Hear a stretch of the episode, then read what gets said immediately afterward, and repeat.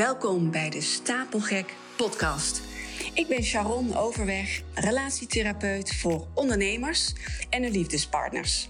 Deze podcast gaat over het mooiste en misschien wel het moeilijkste, het meest gecompliceerde dat er bestaat. Jawel, de liefde. En ik hoop dat je geïnspireerd raakt, dat je iets kunt met de tips die ik deel. Dat je misschien zelfs een nieuwe, frisse kijk krijgt op bepaalde relatiethema's. En natuurlijk hoop ik dat jullie nog stapelgekker of weer stapelgek op elkaar worden en blijven. Ja, in deze podcast wil ik het met je hebben over mijn ideale klanten.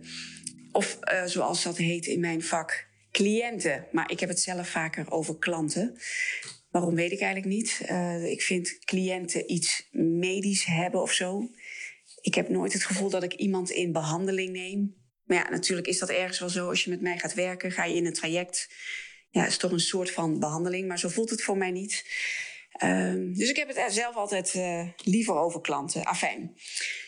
Mijn ideale klanten, dat zijn ondernemers. Ik richt me op ondernemers die meestal nog hele jonge kinderen hebben en thuis met een partner relatieproblemen of zelfs een fikse relatiecrisis hebben. Ik moet zeggen, de meeste stellen die bij me komen, die, uh, die hebben vaak al aan scheiden nagedacht, over scheiden nagedacht. Of het is al door hun hoofd gegaan. Het, het, het woord is meestal al wel een keer gevallen.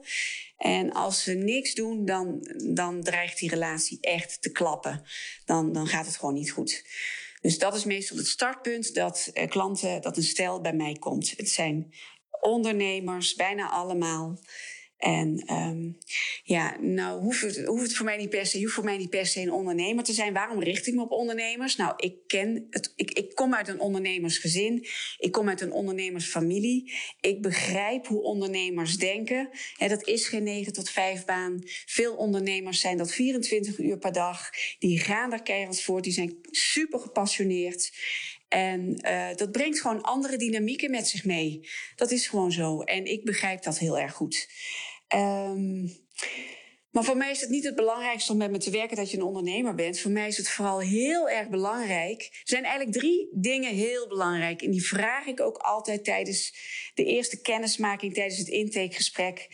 Uh, mijn assistent Sylvia, die zal uh, in het najaar waarschijnlijk dat eerste gesprekje van me gaan overnemen. Want ik wil gewoon eerst antwoord hebben op de volgende drie vragen. En dat kan zij ook perfect doen voor mij. Uh, ik bedoel, als je de huisarts belt, krijg je ook eerst de assistent aan de telefoon. En zo, daar wil ik ook naartoe. Ik wil dat Sil dat gewoon van mij gaat overnemen. Um, zodat zij alvast ja, die kwalificatie, dat zij alvast die selectie kan maken. Of uh, wellicht door kan sturen naar, uh, naar een collega van me. Want als er op een van deze drie vragen dat er een nee opkomt, dan ga ik er alvast niet aan beginnen. Niet omdat ik het jullie niet gun, maar gewoon omdat het mijn werk minder leuk maakt. En ik uh, denk dat het leven bedoeld is om te doen waar je blij van wordt. Waar je vervulling, voldoening van krijgt. En ik werk graag ja, ik, ik, ik wil, ik, mijn werk is, is mijn passie. Uh, missie vind ik een heel groot woord, maar het, het, het, ja, ik, ik, ik heb er zoveel vervulling van. En dat kan ik alleen maar krijgen als ik met mensen werk die op de volgende drie vragen een antwoord geven. Nou, hier komen ze.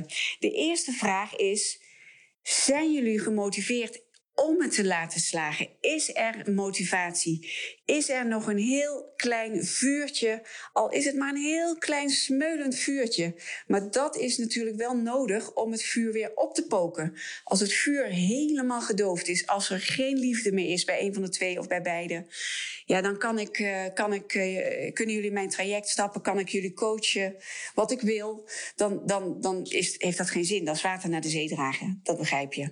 Dus er moet een motivatie zijn. Al is het maar heel klein, er moet een verlangen zijn dat het gaat slagen. Yes? De tweede vraag is: ben je bereid om de bril van de ander op te zetten? Daarmee bedoel ik: ben je bereid om in de huid van de ander te kruipen? Om, om, je hoeft het niet eens te worden met die ander, je hoeft het niet eens te worden met elkaar.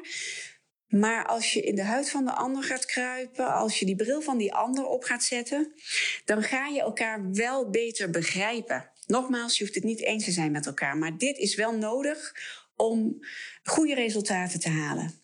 En de derde vraag is altijd: ben je ook bereid om naar je eigen stuk te kijken? Ben je bereid om naar je eigen aandeel te kijken in de relatie?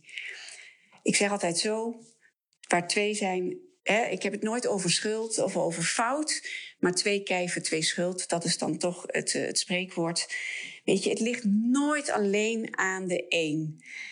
Je hebt altijd zelf ook aandeel in waar jullie nu staan. En dat vind ik heel belangrijk. Dus dat je niet alleen maar met de vinger wijst naar je partner van nou ja, het ligt allemaal aan hem of het ligt allemaal aan haar. Ik doe mee hoor in dit traject, maar hij heeft hulp nodig. Zij heeft hulp nodig. Ik heb ik niet. Nou ja, weet je, dan gun ik jullie nogmaals heel veel hulp, maar niet bij mij. Want dan moet ik heel hard aan het werk gaan. En ik ben er, het is mijn overtuiging om. Uh, het is mijn overtuiging dat jullie allebei aandeel hebben. En dat jullie er allebei iets aan kunnen doen om de relatie te laten slagen, om het nieuw vorm te geven, om, om te groeien.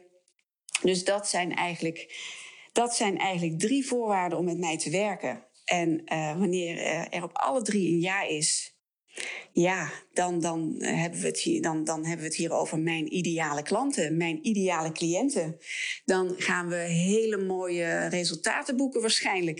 ik kan natuurlijk nooit garanties bieden, maar kan je wel zeggen dat ik er alles aan ga doen dat jullie uh, dit gaan uh, overleven met z'n tweeën. Sterker nog, dat jullie relatie een diepgang gaat krijgen die jullie voorheen nooit voor mogelijk hielden. En dat kan ik jullie beloven. Ik kan jullie ook beloven dat jullie niet meer gaan kwakkelen. Er is geen. Hè, het, het gaat niet meer doorkwakkelen. Er komt een besluit, we gaan verder. Of misschien is het beter dat wegen zich scheiden. Dat kan ook een uitkomst zijn. Um, gelukkig komt hetzelfde voor, moet ik zeggen, bij mij. Lieve mensen, ik hoop dat jullie nu een goed beeld hebben van wat mijn ideale klanten, wie mijn ideale klanten zijn en wat er nodig is om met mij te werken. Dus die drie vragen is er motivatie? Is er een verlangen dat de relatie slaagt? Ook al is het maar heel klein. Twee, ben je bereid om de bril van de ander op te zetten? Super belangrijk om verbinding te maken met elkaar, om, uh, om elkaar te begrijpen. Waarom doet iemand zo? Waarom zegt hij dat? Waarom heeft zij dat zo aangepakt? Wat maakt dat ze vreemd ging? Wat maakt dat hij zo hard werkt en uh, uh, er nooit is voor het gezin. Nooit. Dat zijn ook maar woorden die. Uh, hè, dat zijn woorden die um, veel worden gebruikt. Altijd. Nooit. Daar gaan we het natuurlijk ook over hebben. En de derde vraag is: ben je bereid om naar je eigen aandeel te kijken in het hele verhaal? Super belangrijk voor groei. Super belangrijk voor verbinding.